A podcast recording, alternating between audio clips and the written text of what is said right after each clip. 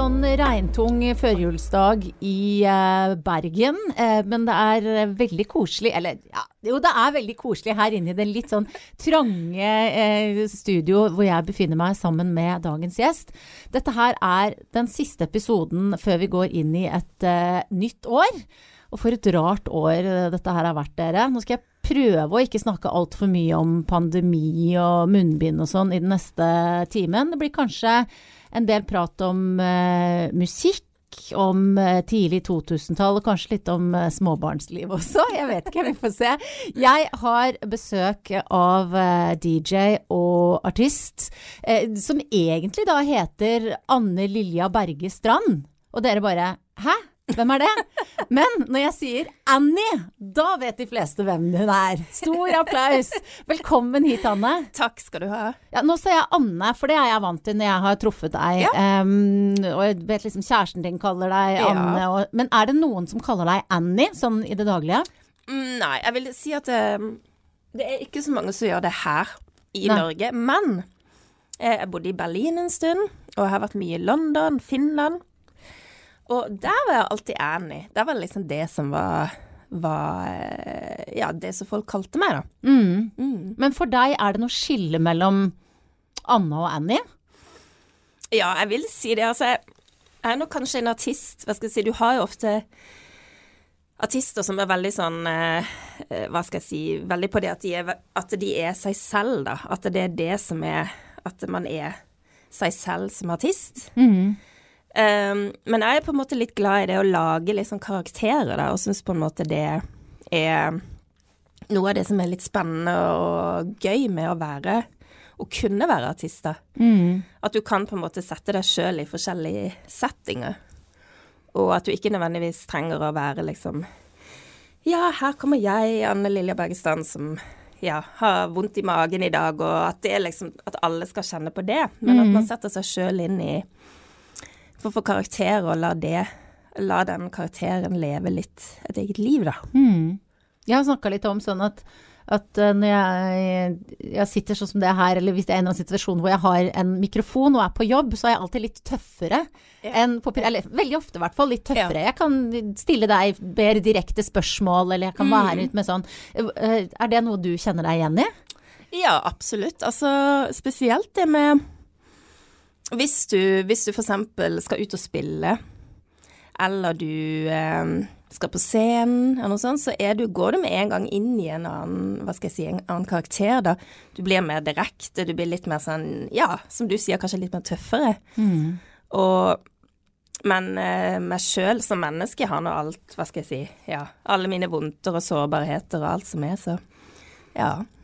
Mm. Du forresten, du skal jo da spille i eh, kveld. Det er, da, er, det DJ Annie, eller skal, er, det, er det artist Annie som skal eh, opptre eh, på Hot Hot Hot i Bergen her i kveld? Ja, nei, da er det DJ Annie. Mm. Men eh, jeg har jo egentlig ikke fått sjansen til å presentere albumet mitt sånn rent sånn Jeg kom jo nylig ut med et album som heter Dark Hearts i slutten av oktober. Og av denne situasjonen vi er i nå, så har jeg egentlig ikke fått noe særlig sjanse til å presentere det, verken live eller ja, noe særlig på noen som helst måte. Så dette er liksom første gang jeg kommer til å spille noen låter fra mitt eget album, og ja, kanskje få litt følelsen av at man går litt inn i den, den verden der, da. Det er Ja. Presentere Dark Hearts. Er det deilig? Ja, jeg syns det er fantastisk. Jeg må innrømme jeg savner virkelig det å spille ute. Og nå er jo regler som man kan ikke um, Ingen kan danse, for eksempel. Og jeg vet ikke om det er 50 eller litt over 20 personer. Det er lite.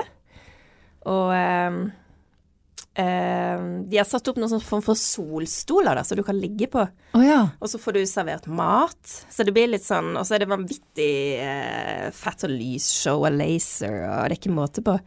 Så det blir litt sånn Jeg tenker liksom å dra på eh, etterfest på Ibiza og slappe av mens du hører DJ-en spille, da. Mm. Oh, det hørtes deilig ut. Mm.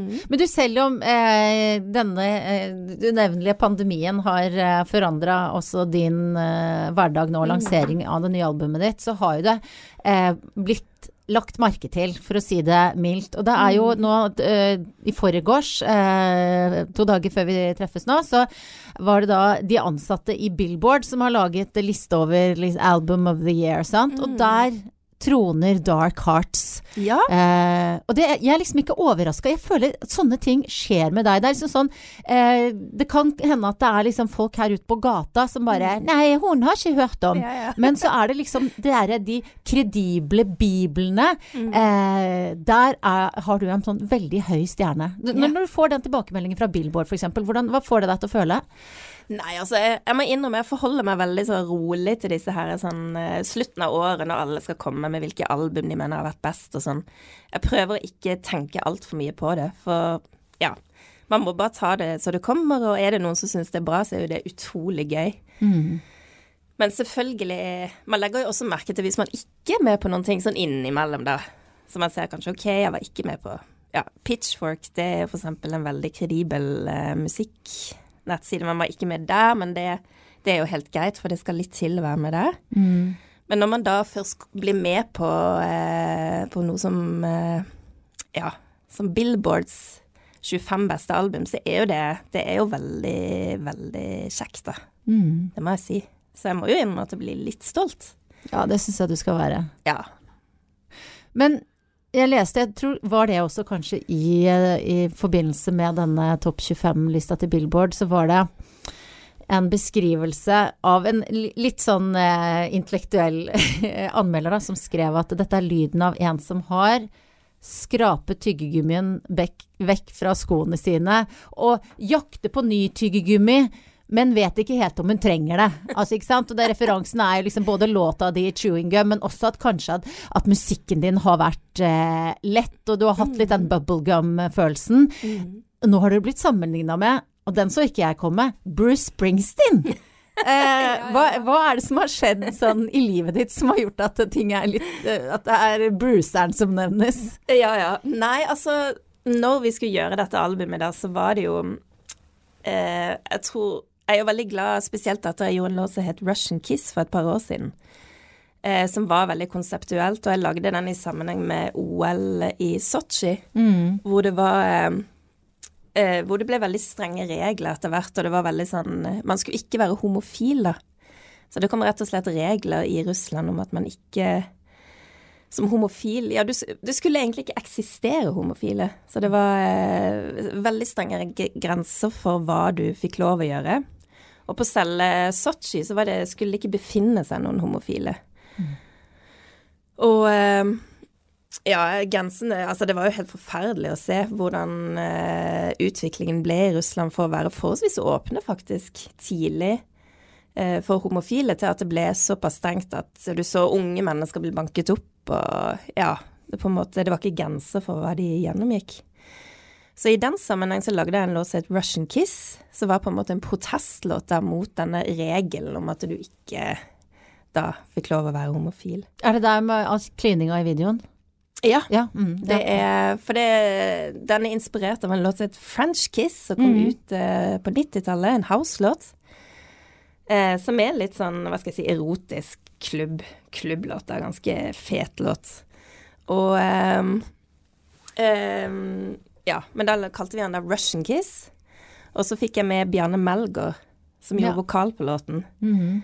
Og han bodde i den perioden i New York, så vi dro til New York og gjorde en musikkvideo da, i New York som, ja, var flere unge, bra mennesker som, som både var homofile og ikke-homofile, og som, ja, tok liksom et standpunkt og, og eh, mot dette her da. Mm. Og ble en ganske fet video. Og fikk veldig mye reaksjoner på det i ettertid. Så jeg tror det var litt etter det da, at jeg kjente veldig sterkt på det der med hvor eh, kjekt det var på en måte å ha et form for konsept når du lagde musikk. Og det er noe med når du har lagd musikk i veldig mange år, så blir kanskje litt det med å bare lage en låt i seg sjøl. Jeg sier ikke at ikke at det blir helt tomt, men du får kanskje et sterkere ønske om å ha en sånn et konsept eller en, eh, et veldig klart bilde før du går inn og lager låten. Mm. Så det ble litt av greia når vi skulle gjøre Dark Hearts. Og vi var veldig inspirert av, av filmmusikk, både meg og, og eh, Stefan Storm. En svensken da, som var, gjorde store del, produserte store deler av albumet. Og eh, ja, så da satte vi oss liksom ned og snakket om ja, hva skulle vi gjøre, og da ble liksom filmmusikk var greia. Mm.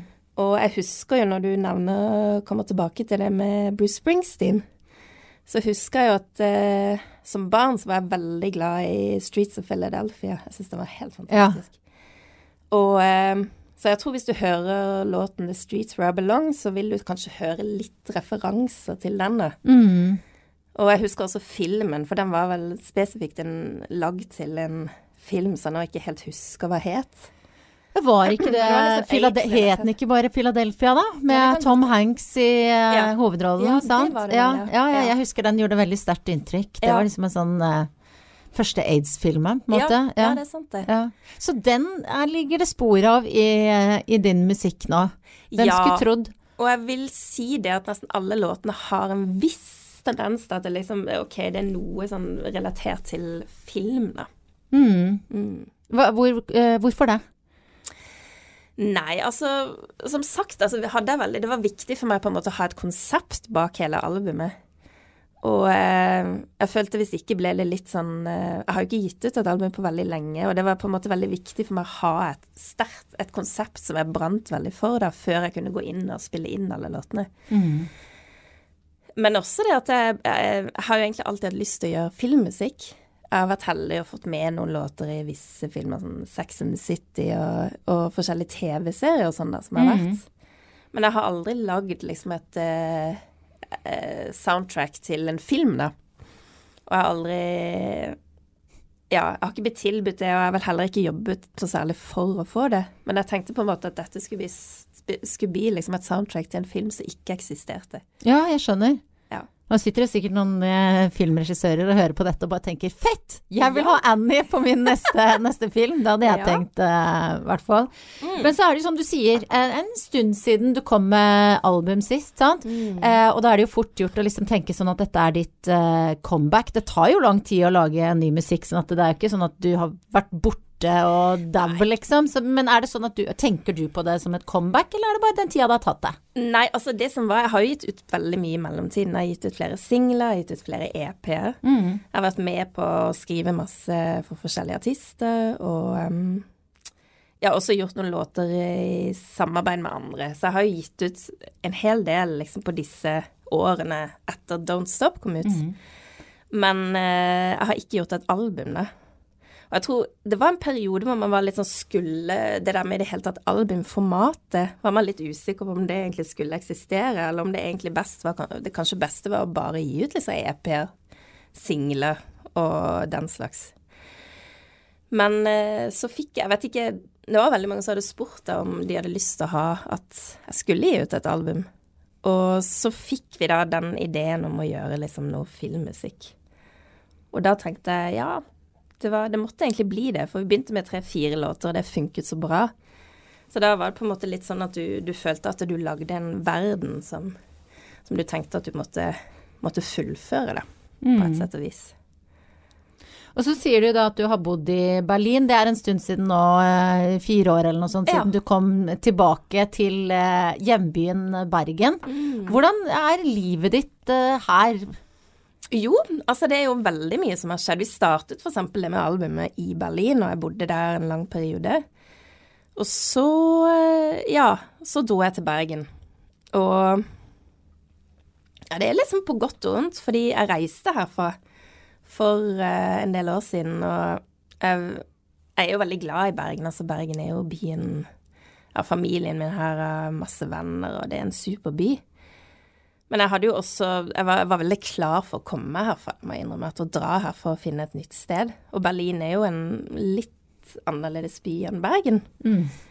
Det er jo For det første er det en, ja, en hovedstad, og man kjenner på den biten der. Og så er det I forhold til kultur er det jo enormt masse som skjer, og det er en fet by å være i. Det er mye Ja, det er mye man kan gjøre, og mye muligheter, og mye generelt. Så, så det var jo litt sånn eh, bittersweet å dra derfra og komme tilbake igjen.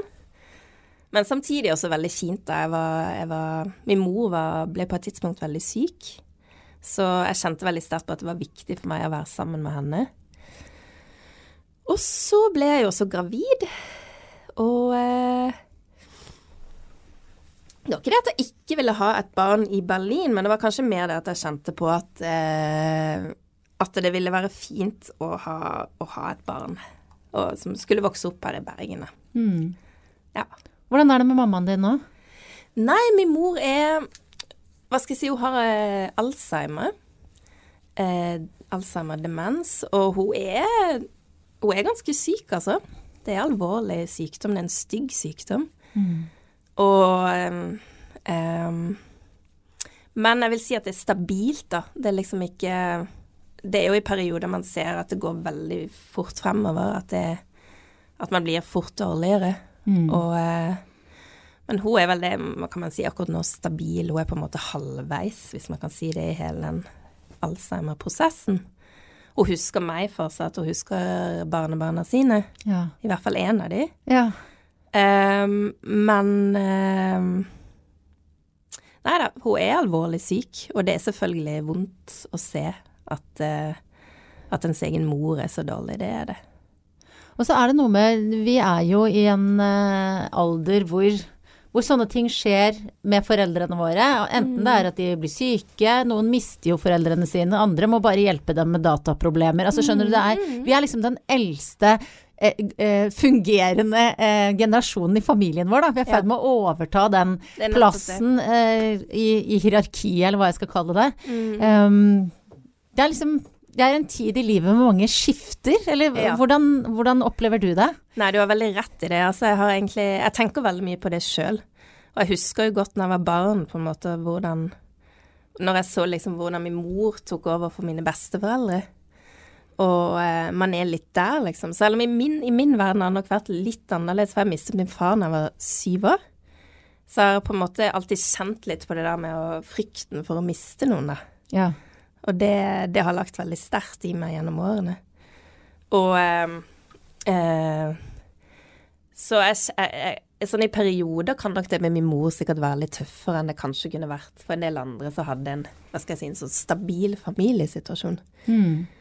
Selv om jeg har det i min egen familie. Jeg har en, eh, ja, en samboer og barn og alt dette her. Men det er noe med liksom strukturen rundt det. som er foreldre og Ehm, Men ehm, Nei, det er sant. Det er veldig, veldig rart det å bare på en måte Og at man liksom egentlig Den prosessen bare skjer. Man liksom bare glir videre i livet, på en Ja. måte. Det er veldig spesielt. Og så er det jo også det er jo også sånn det skal være. Så det er Ja. jo en sånn naturens lov. Så midt det det. oppi det som er ganske sånn utfordrende, og spesielt for deg når moren din har en sånn guffen sykdom, Mm. eh, så er det jo et eller annet med at ok, det er naturens gang. Så man skal jo også, tenker jeg, på et eller annet vis prøve å omfavne Ja. det. Nei, men det er sant. Og så må jeg også si jeg er veldig heldig, da, for min mor er en av naturen vanvittig positiv person. Og hun er veldig, også i tillegg veldig avslappet. Du har noen med Alzheimer, så de blir veldig utrygge og veldig redd. Hun er på et bra sted, godt sykehjem, gode folk rundt seg. Så det er også noe jeg håper si, Man kunne snakket om hvor viktig den biten er, å ha gode, gode sykehjem, gode sykepleiere, alt dette.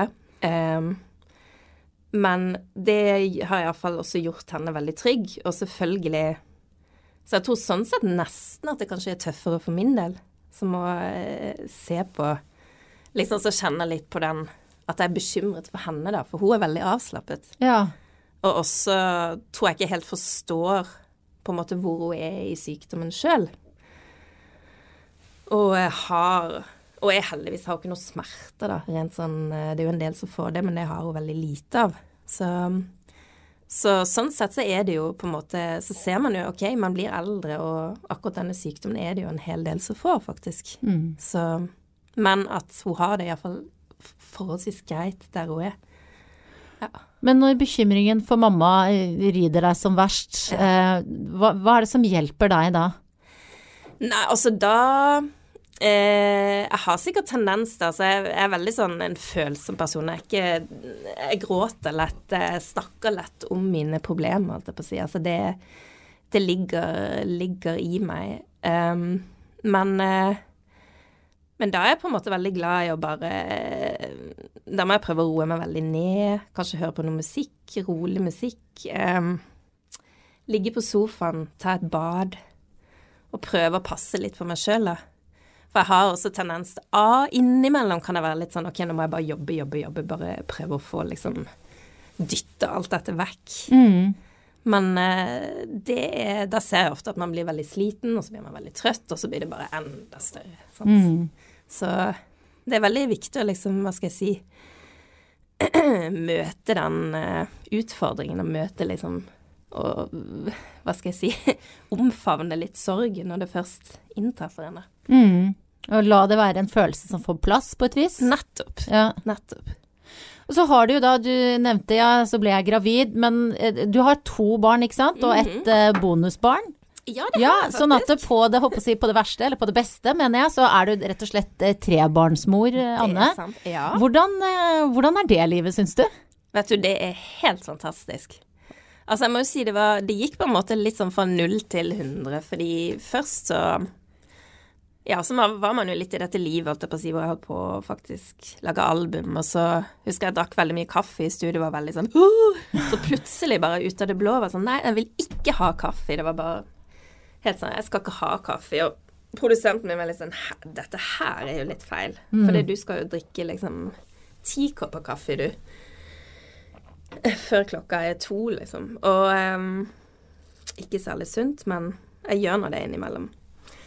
Og så han sa sånn umiddelbart du er gravid. Ja. Og eh, jeg, jeg trodde ikke det. Jeg trodde ikke det liksom var, var Altså, det var vi, Jeg hadde lyst til å bli gravid, men vi hadde så vidt, hva skal jeg si, tenkt tanken og var i gang, da. Og så skjedde det veldig fort, da, når det først eh, begynte, og så ble jeg jo gravid. Og så fikk jeg barn, og Ja, nei, det var Altså, det å få barn er jo noe av det helt, helt det største på jord. De sier jo at det er det, og det er det, rett og slett. Ja. Helt fantastisk. Så nei, det har vært så gøy. Og, men selvfølgelig litt hektisk i sammenheng at man var i midt i en sånn albumprosess. Og for min del så, så gikk det jo bare et par måneder etter jeg hadde fått Lilly til jeg faktisk ble gravid igjen. Så det er 16 måneders um, oh, forskjell på disse to. oh my god. Var det en periode der hvor du liksom eh, tenkte hva har jeg gjort? ja. ja. Mer enn en gang? Lett og slett. Altså, det, det gjorde jeg, og det er jo 16 måneder er ganske Nå er det jo veldig nær, da, og det er veldig gøy, for nå er det jo en prosess hvor hun er, hun er to og et halvt år. Og, de, og han er jo i gang med å gå og løpe rundt, og, så de, de har begynt å bli liksom mye mer venner, da. Og han ser veldig opp til henne, og, og den biten er jo kjempefin. Veldig, veldig gøy. Men det er jo no, på noe tidspunkt hvor liksom alt hva skal jeg si, bryter sammen. Stolen faller ned, og mat overalt, og hyler og skriking og bæsj og ditten og datten. Pluss at jeg har jo to hunder òg i tillegg. Har du? Så det er kaos hjemme hos deg? Ja, innimellom så er det kaos. Det er alltid Ja. ett tidspunkt hvor liksom én er fortvila, én er lei seg, én har bæsja, en hunden må ut og må bæsje, og andre hunden er sulten. Sånn, så det er helt sånn men, men som oftest så, så greier man å roe det ned, og det går fint. Og, og det er noe med at når det er noe så positivt, altså det er så mye bra Jeg mener det er to fantastiske, skjønne barn. Ei jente, Lilly Marie og Jan Martinus. Og det er jo Det er kaos, men det er det gode kaos. Sant? Og det må man bare Det løfter han jo bare opp. Så det, det er et kaos jeg bare må innrømme at jeg elsker. Ja, for jeg, altså, jeg har vanskelig for Du har jo en veldig sånn eh, mild og lett fremtoning, sånn jeg opplever deg. Hvordan, altså, jeg, hvordan er du når dette kaoset, da, selv om du løfter det opp? Er, kan du klikke for deg noen ganger? Eh, altså, det kan klikke i den grad at jeg blir helt sånn Å, herregud, hva gjør jeg nå? Altså helt sånn du, du vet rett og slett du, Ja, du har ikke nok armer og nok bein til å få ting til. Mm. Men eh, jeg er veldig god til å liksom bare gå litt inn i et hjørne og bare ja, Kanskje du kjenner litt til det, bare liksom å puste ut. Du gjør yoga, har jeg skjønt. Ja, ja, ja, det sånn. kan jo funke. Ja. Mm. Ehm, så jeg kjenner litt på det der bare puste ut, og kanskje ta seg noe å drikke, og så bare gå tilbake. Så blir du veldig sånn Du bare må liksom mentalt bare ta det litt sammen, da, rett Ja. og slett. Og så jeg, jeg vil ikke si at jeg klikker så ofte, det gjør jeg ikke. Nei. Men eh, jeg kan jo bli helt sånn der Å, Jesus, hva gjør jeg nå? Det er bare så mye greier på en gang. Er du bra team med kjæresten din, da? Ja, det vil jeg si. Mm. Det eneste er at begge oss er kanskje litt eh, Begge er jo litt sånn eh, eh, Vi er ikke de mest praktiske anlagte menneskene i verden. Jeg tenkte du var det, ikke sant? At du hadde sånn teknisk innsikt og sånn? Nei, ikke praktisk? Nei, det vil jeg ikke si. Altså, til en viss grad på noe, men det er, det er ofte mye rot, da. Mm. Og det Han er Nicolas, samboeren min, er litt, litt samme der. Og det er kanskje ikke akkurat den beste kombinasjonen. Men vi får det på et eller annet vis til, da. Selv om det kan være veldig kaotisk, så greier vi liksom å samle oss sammen og få det til på et eller annet vis. Ja. Og det er jo sånn, ikke sant, alle mennesker er jo mer enn mer enn én ting. Det er jo åpenbart at eh, popstjernen Annie er jo mer enn bare det, men nå er det jo ikke så mange minutter siden vi snakket om New York og Berlin og Bjarne Melgaard og Pitchfork og whatnot. Og nå er vi på, på bæsj, ungeskrik og, og kaos i heimen. Eh, hva er det liksom um, Utenifra så kan det oppleves som det er stor avstand da, mellom de delene av, eh, av livet ditt. Um, hvor eh, Er det sånn Kan du være i den ene delen og så lengte til den andre?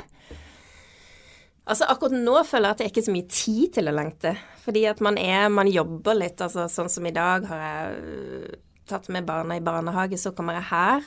Um, og dette er veldig kjekt. Og så skal jeg spille om noen timer, så kommer jeg til å dra tilbake og passe på at de har det bra. Eh, sikkert ta med hundene på en tur. Mm. Så alt går veldig sånn i ett. Eh, men jeg har veldig tro på det. Altså, jeg må jo innrømme at det å lage musikk er for min del altså det, jo, det betyr fortsatt veldig mye for meg. Jeg har gjort det nå i noen år. Men det betyr såpass mye for meg at når jeg først er på en måte i den eh, eh, Hva skal jeg si skal, Ikke boblen, eller I det hjørnet da hvor, eller, hvor jeg jobber med musikken, så kjenner jeg meg veldig fri og veldig Det løfter meg veldig opp, da. Mm. Og da kjennes det veldig verdifullt ut. Så det ikke Jeg vil ikke si at jeg, at jeg nødvendigvis lengter etter, men jeg kjenner veldig på det at liksom det, det, er dette som gjør at jeg eh, Hva skal jeg si At jeg kjenner meg fri og sterk og bra, da. At dette er mm. noe jeg faktisk eh, får veldig godt til. Og det er jo sikkert det bra, derfor det går bra med det òg, tror du ikke det? At du har en sånn Finner en sånn stor frihet i det? Jo, jeg tror det er veldig viktig. Altså, jeg tror det er veldig viktig hvis Egentlig uansett med hva man gjør, at man kjenner på det at dette Jeg har alltid hatt tro på at iallfall når man har en jobb, at man liker det man gjør, at man har veldig tro på det, og at man gjør det beste ut ifra det utgangs, utgangspunktet man har. Mm. Og jeg tror folk ser veldig gjennom det, selv om man ofte undervurderer folk og sier nei, det, det gjør de ikke, de ser ikke Så tror jeg folk gjør det. Altså de merker litt med noen når de ikke Enten når de ikke liker det de gjør, eller at de faktisk elsker det de gjør. Mm. Og eh, jeg tror faktisk jeg tror på det, selv om jeg også har litt sansen for hva skal jeg si, kanskje litt sånn plastikk-popmusikk. så jeg har veldig tro på at til en viss grad så hører du på en måte om det har en viss snev av noe ekte, da. Ja. At det kommer fra et sted. Et ja, et bra og ekte sted. Og at dette er liksom noe som artisten eller personen, uansett hva man gjør, at det Ja. At det er noe som er ekte. Mm. Har du noen gang eh, laget ting hvor du har kjørt etterpå at eh, Å ja, her var ikke hjertet mitt helt med. Ja, altså jeg, jeg var jo en god periode. Jeg skrev veldig mye sammen med et um, et um, et team, hva skal jeg si, låtskriverteam i Kent som het Sanomania, som var veldig store. De skrev låter for Patch Up Boys. De hadde et sånt jenteband som het Girls Aloud, som er vanvittig store i England. og skrev for en hel del Sugar Babes og ja, masse artister. Og der skrev jeg veldig mye låter. Og da fikk jeg kanskje kjenne litt på det. Ok, i løpet av en dag så skriver du for Du skriver kanskje fire låter. Og, og, da kan jeg jo helt ærlig innrømme, det var jo ikke sånn at du hadde hjertet ditt med på alle de låtene. Det hadde du ikke. Men da blir det vel også noe annet. Du skal liksom levere en vare. Ja. Og så får du se om de artistene klarer å legge noe Det er nettopp det. Om de kan legge sjela si ja. eller hjertet sitt i det, da. Det er nettopp det. Mm. Og litt det at de kjenner at denne låten tilhører de, da. Jeg mener, du har mange artister som gjør det, sånn som Elvis, for eksempel. Han var jo, skrev jo ingen av sine egne låter, men han tok jo definitivt med seg noe. og ja, og eh, hva skal jeg si, eide låtene, da. Mm. Og gjorde de levende, og sånn at det betydde mye for de som hørte på. Mm. Og ja, og jeg skrev jo Men jeg hadde en periode jeg skrev litt for Kylie Minogue.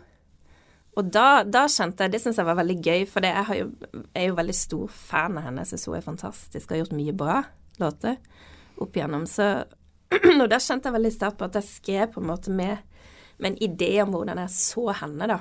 Ja. Og hva som Ja. Så det var Det var kjempegøy. Hvordan fungerer det da? Møter du noen gang disse artistene du skriver for, eller er det sånn at de får sendt over, og så får du noen slags eh, tommel opp eller ned? Ja, innimellom. Altså, det varierer litt. Eh, Kylie har jeg faktisk aldri, jeg har aldri møtt henne i sammenheng med at jeg har skrevet noen ting. Men eh, mange av artistene, når vi skrev med Xenomania, de var De bodde på huset. Okay. Så de fikk kanskje, hva skal jeg si, levert ti låter som de skulle inn og synge per dag. Og så var det noe som fungerte for de, noe fungerte ikke. Noe fungerte for, men det var veldig viktig det at det fungerte for stemmen deres og prestasjonene. Så eh, Nei, det var veldig spennende å jobbe i et sånt team da, på sikkert jeg vet ikke, 40 mennesker på huset som alle på en måte gikk inn for og at man skulle lage hits. Gud a meg, gøy å ha vært del av et sånt eh, sirkus, som det høres litt ut uh, utenifra. Ja, veldig, veldig, veldig gøy. Og hele denne musikkbransjen har jo du vært, altså hvert for oss som har hørt deg utenfra, vært en del av siden eh, helt på slutten av eh, 90-tallet og begynnelsen av 2000-tallet. Jeg husker det veldig godt, for det var akkurat da jeg begynte å jobbe i P3. Ja. Så da spilte vi, jo, spilte vi jo der masse. Du Ja, var ja. stor popstjerne. Og det er jo eh, eh, Man kan liksom aldri snakke om deg, eller det er sjelden det blir snakka om deg uten at det blir snakka om eh, kjæresten din, Tore Eroth. Eh, dere var sammen da, da du først begynte med musikk, og han døde veldig ung. Eh, eller du var veldig ung, og han var veldig Ja. ung. Um, hvordan er det å Eller føler du liksom at han, når vi snakker om musikken din, selv om jeg ikke har sagt navnet hans før nå, er det sånn Er han fortsatt en del av ditt musikalske prosjekt? Ja, altså På Ja, på de Det vil jeg si han er. Han er alltid der. Altså Og Tore Tore var en veldig spennende person, for han var veldig åpen for det første med musikk, og veldig åpen for nye ting. Samtidig som han også rendyrket eh, f.eks. house-musikk, som han holdt på med sjøl. Og, eh, og akkurat når han var i, i den prosessen med å jobbe med det, så var han veldig lukka, og da syns jeg han var veldig lite, litt lite åpen. Så da kunne jeg liksom være spillende en del musikk da hvor han var liksom nei, nei, nei, dette kunne aldri funke å bruke noe av dette, eller liksom jobbe videre på noe sånt. Så da likte jeg ofte å spille en låter som ja, som jeg tror han i utgangspunktet syntes var veldig dårlig, da, men utfordra han litt på det, da. Oh, ja, ja. Og så eh, Så det var jo litt sånn vi gjorde når vi gjorde Greatest Hits, så var det jo eh, eh, basert på en eh, en eh, gammel Madonna-låt som heter Everybody. Og det var jo nesten litt sånn skummelt, for at man kan jo ikke bare ta en sånn sample fra en Nei. stor stjerne uten å betale masse penger for det. Nei. Nei, men det gikk greit, gjorde det ikke det? Jo, det gjorde faktisk Ja. det. Det gikk greit. Mm. Selv om hun får faktisk nå en liten andel av Greatest Hits. Så du sponser, du sponser noen av alle de millionene med sånne operasjoner Madonna Ja. driver av? Uff a meg. Ja, Ja ja, nok om Madonna. Fortsett, jeg avbrøt deg. Ja, nei, det går bra. Oi sann. Det er ikke det dere vet. Hun bare hoster litt. Ja. Ehm, ja da, nei, det Det var jo en veldig Jeg vet ikke, tilbake på 2000-tallet, det var jo en spesiell, spesiell tid og veldig gøy. Det var mye som skjedde på den tiden, da. Og mye Ja, mye bra musikk og mye bra klubbliv. Og um, det er noe med når du ikke engang Altså, på den tiden hadde du ikke Internett, det var ikke det samme da. Du hadde liksom ikke noe Facebook eller noe Instagram eller noe. Så det var liksom litt basert på at ok, du lagde en låt, og så var det kanskje en eller annen DJ som spilte på kvelden, og så tok du med låten, og så fikk du noen til å spille den ute. Og så baserte du litt på utgangspunktet funket det, eller funket det ikke i det hele tatt. Så så ble det liksom sånn. Det var liksom basert på det. Ja, ok. Ja, det funket veldig bra. Da kjører vi på med den. Så gikk vi tilbake i studio på kvelden og jobbet videre på den låten. Hvordan, hvordan var det for deg da etterpå, uh, uten Tore, å skulle fortsette når dere hadde hatt sånn tett, tett måte å jobbe på? Eh, og Annie var vel Vet ikke om jeg har misforstått, men var, var, det ikke nesten sånn at når du var Annie, så var det også han, på et Ja. vis? Ja. Det var det, altså. Vi begynte For vi hadde jo gjort Greatest Hit og en låt som het uh, I Will Get On. Og planen var liksom da at vi skulle gjøre et album sammen. Så under navnet Annie, da. Vi gjorde til og med en eh, platekontrakt med et label som het Loaded. Mm. Og eh, Ja, så det var det som var planen. At vi skulle gå sammen i studio og spille inn et album, og det var på en måte det som skulle bli debutalbumet til Annie. Og så ble jo Tore da mm, Ja, egentlig helt i starten ble han veldig, veldig syk. Og han fikk eh, Han hadde en medfødt hjertefeil, og han eh, Han eh, Han fikk eh, Han hadde veldig mye problemer med lungene. Og, eh, og fikk jo da etter hvert mye blodpropp. Som, så de i starten trodde de det var lungebetennelse, for det kan ofte, man kan ofte misforstå den, ja, den biten der. Så, men da var han liksom inn og ut av sykehuset, tror jeg, i ett og et halvt år. Til han da ble bare verre og verre og var, altså ble da konstant på sykehuset. Så det var jo en tøff periode, for du hadde Det var liksom det startet så lyst, da. Du hadde greid å få til en platekontrakt, og alt var liksom shiny og the future. Du var klar for å dra på turné i England og USA og ditten og datten. Og så, ja, til at du bare måtte faktisk bruke store deler av tiden på Haukeland sykehus. Og eh, ja, det var tøft. Og så se det at han på en måte sakte, men sikkert visnet vekk, da. Det var liksom en prosess som var veldig sånn Tok veldig tid, og veldig Ja. Det var, det var ganske utfordrende. Og apropos liksom kontraster i livet, for da, ikke sant, dere var i ferd med å ta helt av i en, en musikksjanger hvor, hvor det handler om energi og Ja. dansing og mange mennesker og være oppe hele natta, så sikkert alle mulige ting som var helt utelukka for han der han lå og var veldig sjuk eh, i samme periode. Det er nettopp det. Hvordan klarte du deg gjennom det? Nei, altså for min del så handlet det veldig om at han skulle bli frisk. Og eh, samtidig så hadde jeg ambisjoner var der, og jeg hadde lyst til å gjøre et album. Men det var noe med at jeg hadde veldig lyst å gjøre det med Tore. Og jeg som person er veldig sta, så jeg var veldig sånn Nei, det, det skal være sånn. Det var liksom ikke snakk om at ok, kanskje skulle jeg gå ut og prøve å eh, Ja, kanskje jobbe med noen andre produsenter få til noe annet. Nei, det, det ville jeg ikke. Men så, etter hvert da, så, så begynte jeg å Så gikk jo Ja, det gikk jo som sagt da rundt over et år, og så begynte jeg å få litt tilbud fra andre produsenter, og så, så ble liksom det en greie at kanskje man skulle gjøre det. Og Tore var jo veldig pushy på at nei, nå må du liksom fortsette, for han Jeg tror han, det lå litt i kortene at han ikke var Kom kanskje ikke til å bli så mye bedre.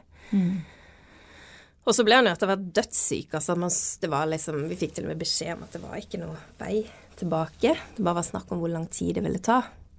Så eh, Men eh, Og da var jeg på en måte Da var det Jeg vet ikke, det var en kombinasjon at jeg tenkte vi skulle likevel få det til, på en måte. Og jeg ville jo Det var ikke det at jeg la musikken på hylla da, men eh, men det var vanskelig liksom å tenke ok, hva gjorde man hvis ikke, mens han fortsatt var det. For det, det var kanskje noe man klamret seg til, og man klamret seg også til det i musikken. da. Og så tenkte jeg, tenkte jeg litt på nå før jeg skulle intervjue deg, liksom, at eh, gud nei, da er det så lenge siden, og hun har sikkert snakka om det i alle intervjuer, skal, jeg, skal vi snakke noe om det? Men så har jeg hørt mye på uh, eh, nye albumet ditt, og der synger du om han. Ja. Ja, så da følte jeg, men da må jeg jo bare spørre om det. Ja, ja, For da tenker jeg, uh, eller jeg måtte ikke, men jeg er nysgjerrig på hvordan eh, hvordan du endte opp med å eh, Altså, for er det en hel låt, føler du, som handler om han, eller uh, The Streets Where I Belong? The Streets Where I Belong. Ja, altså, det deler av han handler om han. Altså, det, det var kanskje litt at For jeg håper si noe av grunnen til at jeg dro fra Bergen, altså det var ikke det at jeg forlot det, Bergen kun av han. Men det var jo litt den følelsen at du, du trengte noe nytt, da. Du ville ha noe liksom En ny kraft, en ny, ny opplevelse. Og eh, at det var veldig godt å komme seg vekk fra et sted man hadde, hadde vært mye i lang tid, og så opplevd mye som var ganske tøft. Mm. Så, eh, så er det jo litt det da å komme tilbake igjen til det, til det stedet. Så ja da, nei, det handler mye om, om Tore. Det gjør det. Mm. Så han har, har, han på noen måte kommet nærmere deg når du har kommet ja, hjem igjen? Det, det vil jeg si. Altså, mm. han har jo på en måte alltid vært der, og som sagt så har han alltid vært inspirasjon. Han var jo så veldig skeptisk da til som sagt, da, når man jobbet med liksom åssen var låtene bra nok, så det var alltid litt sånn at jeg spør meg sjøl ja, hva hadde Tore tenkt? Ja. Hvis det er liksom helt sånn Gud, er dette Det er jo alltid du står der, er dette egentlig bra, eller er det bare jeg som syns at denne låten er bra? For det er jo av og til du blir litt sånn blind for hva du gjør. Absolutt. Og, um, og da kan jeg liksom tenke litt Hva hadde Tore tenkt? Hadde han syntes at dette her var bra, eller liksom bare helt på trynet? Ja.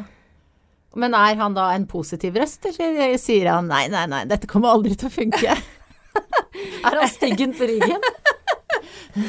nei, altså det er litt både òg. Uh, selvfølgelig, nå er det jo min analyse av hva han hadde syntes. Ja.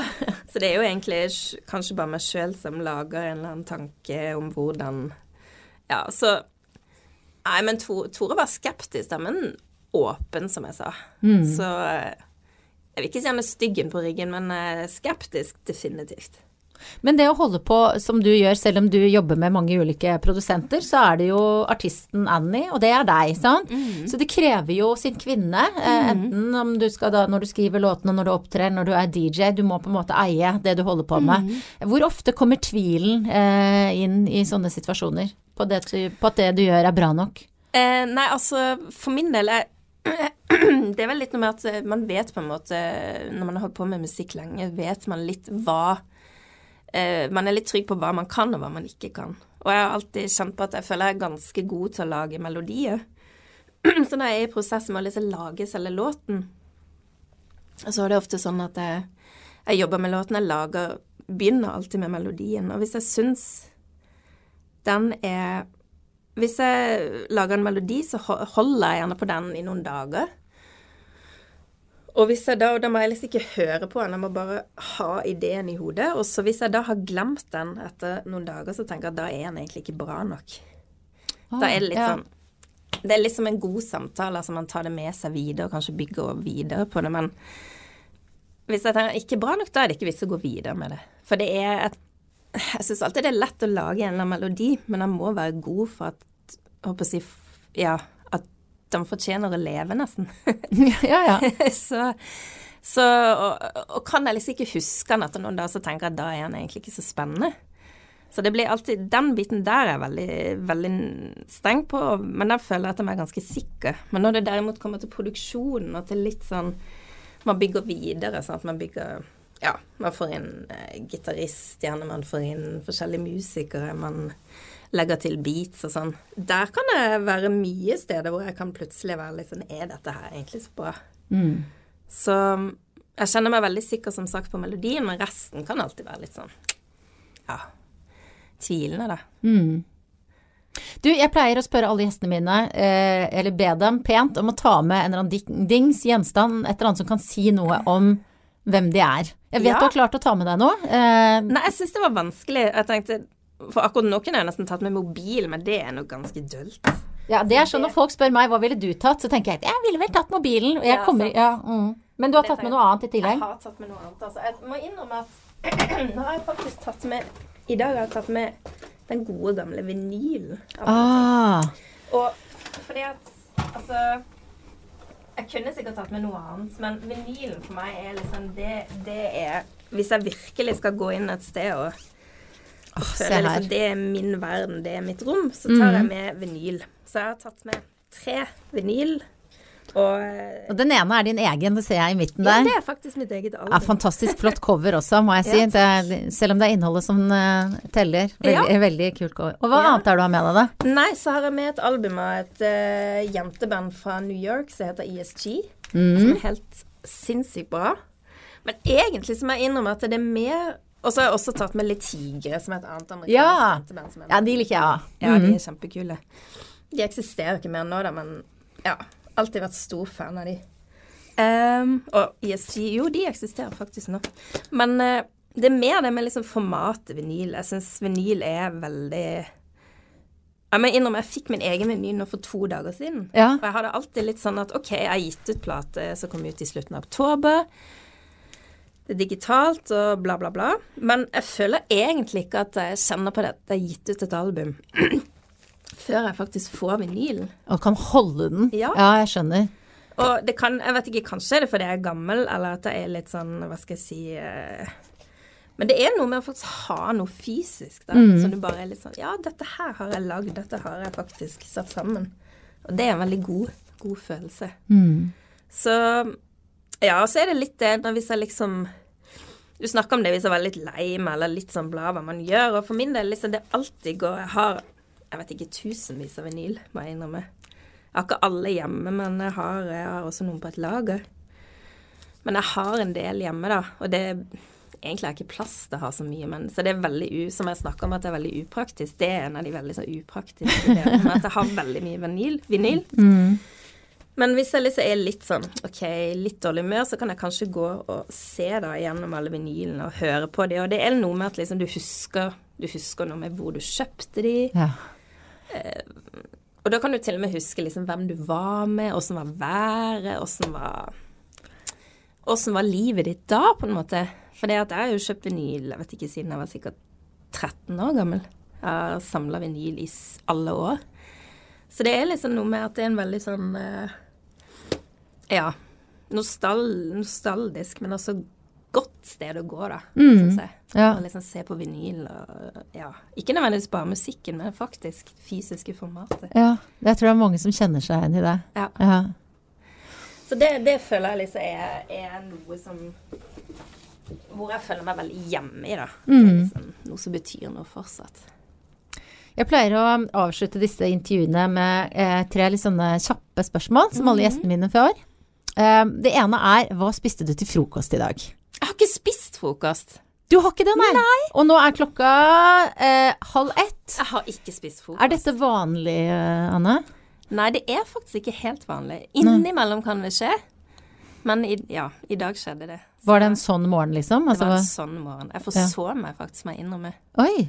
Så eh, det var litt sånn Jeg var, jeg var så most i går kveld da jeg gikk og la meg, så ja. Jeg sov litt for lenge, og Nicolas var så gøy og tok barna til barnehagen i dag. Så ja. Du får ta, ta deg noe å spise når vi straks er ferdige. Du må lade opp til gig i kveld og alt mulig. Det Eh, det neste spørsmålet er hvor lang tid brukte du på å finne ut hva du skulle ha på deg i dag?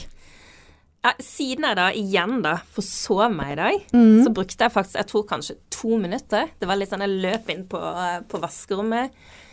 Eh, for en ting der jeg har ganske god kontroll, er faktisk vaskerommet. Jeg er ganske god på å vaske klær. Ja.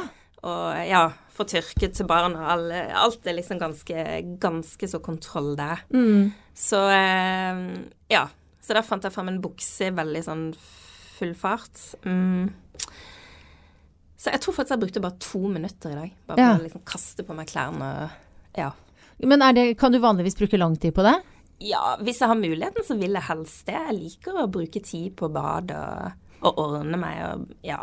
Det syns jeg er ganske herlig. Jeg Det er er litt tid for meg sjøl, liksom. Ja, og det er jo ofte gjerne der man har når man er på badet og kan låse døra og si 'bare spør pappa isteden'. Ja, ja, ja, ja, ja absolutt. Sant.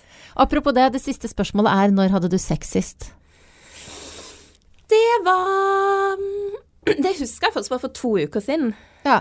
Så kanskje det er på tide at vi spiser litt og har oss litt sex nå. Ja, det høres ut som en bra plan for dagen. Ja. Det kan jo hende mange musikere har jo en sånn eh, Ikke det, jeg skal ikke si hvordan jeg vet dette, men har, får en liten boost av å stå på scenen. Ja. Eh, så når de da kommer hjem, og så videre. Ja, ja, ja. Litt høy på seg sjøl. Mannen min skal også spille i dag. Oh, ja. Yes. Nei, men da sier jeg la oss ikke snakke om det. Anne, det var veldig, veldig fint å ha deg som gjest i uh, podkasten min. Jeg er stor eh, fan av deg, både som eh, dame og eh, DJ og artist. Ja, det var vanvittig kult å komme. Det ble jeg veldig glad for. Takk skal du ha, og god jul! Ja, god jul! God jul! Nå kan vi begynne å si det til folk. Ja.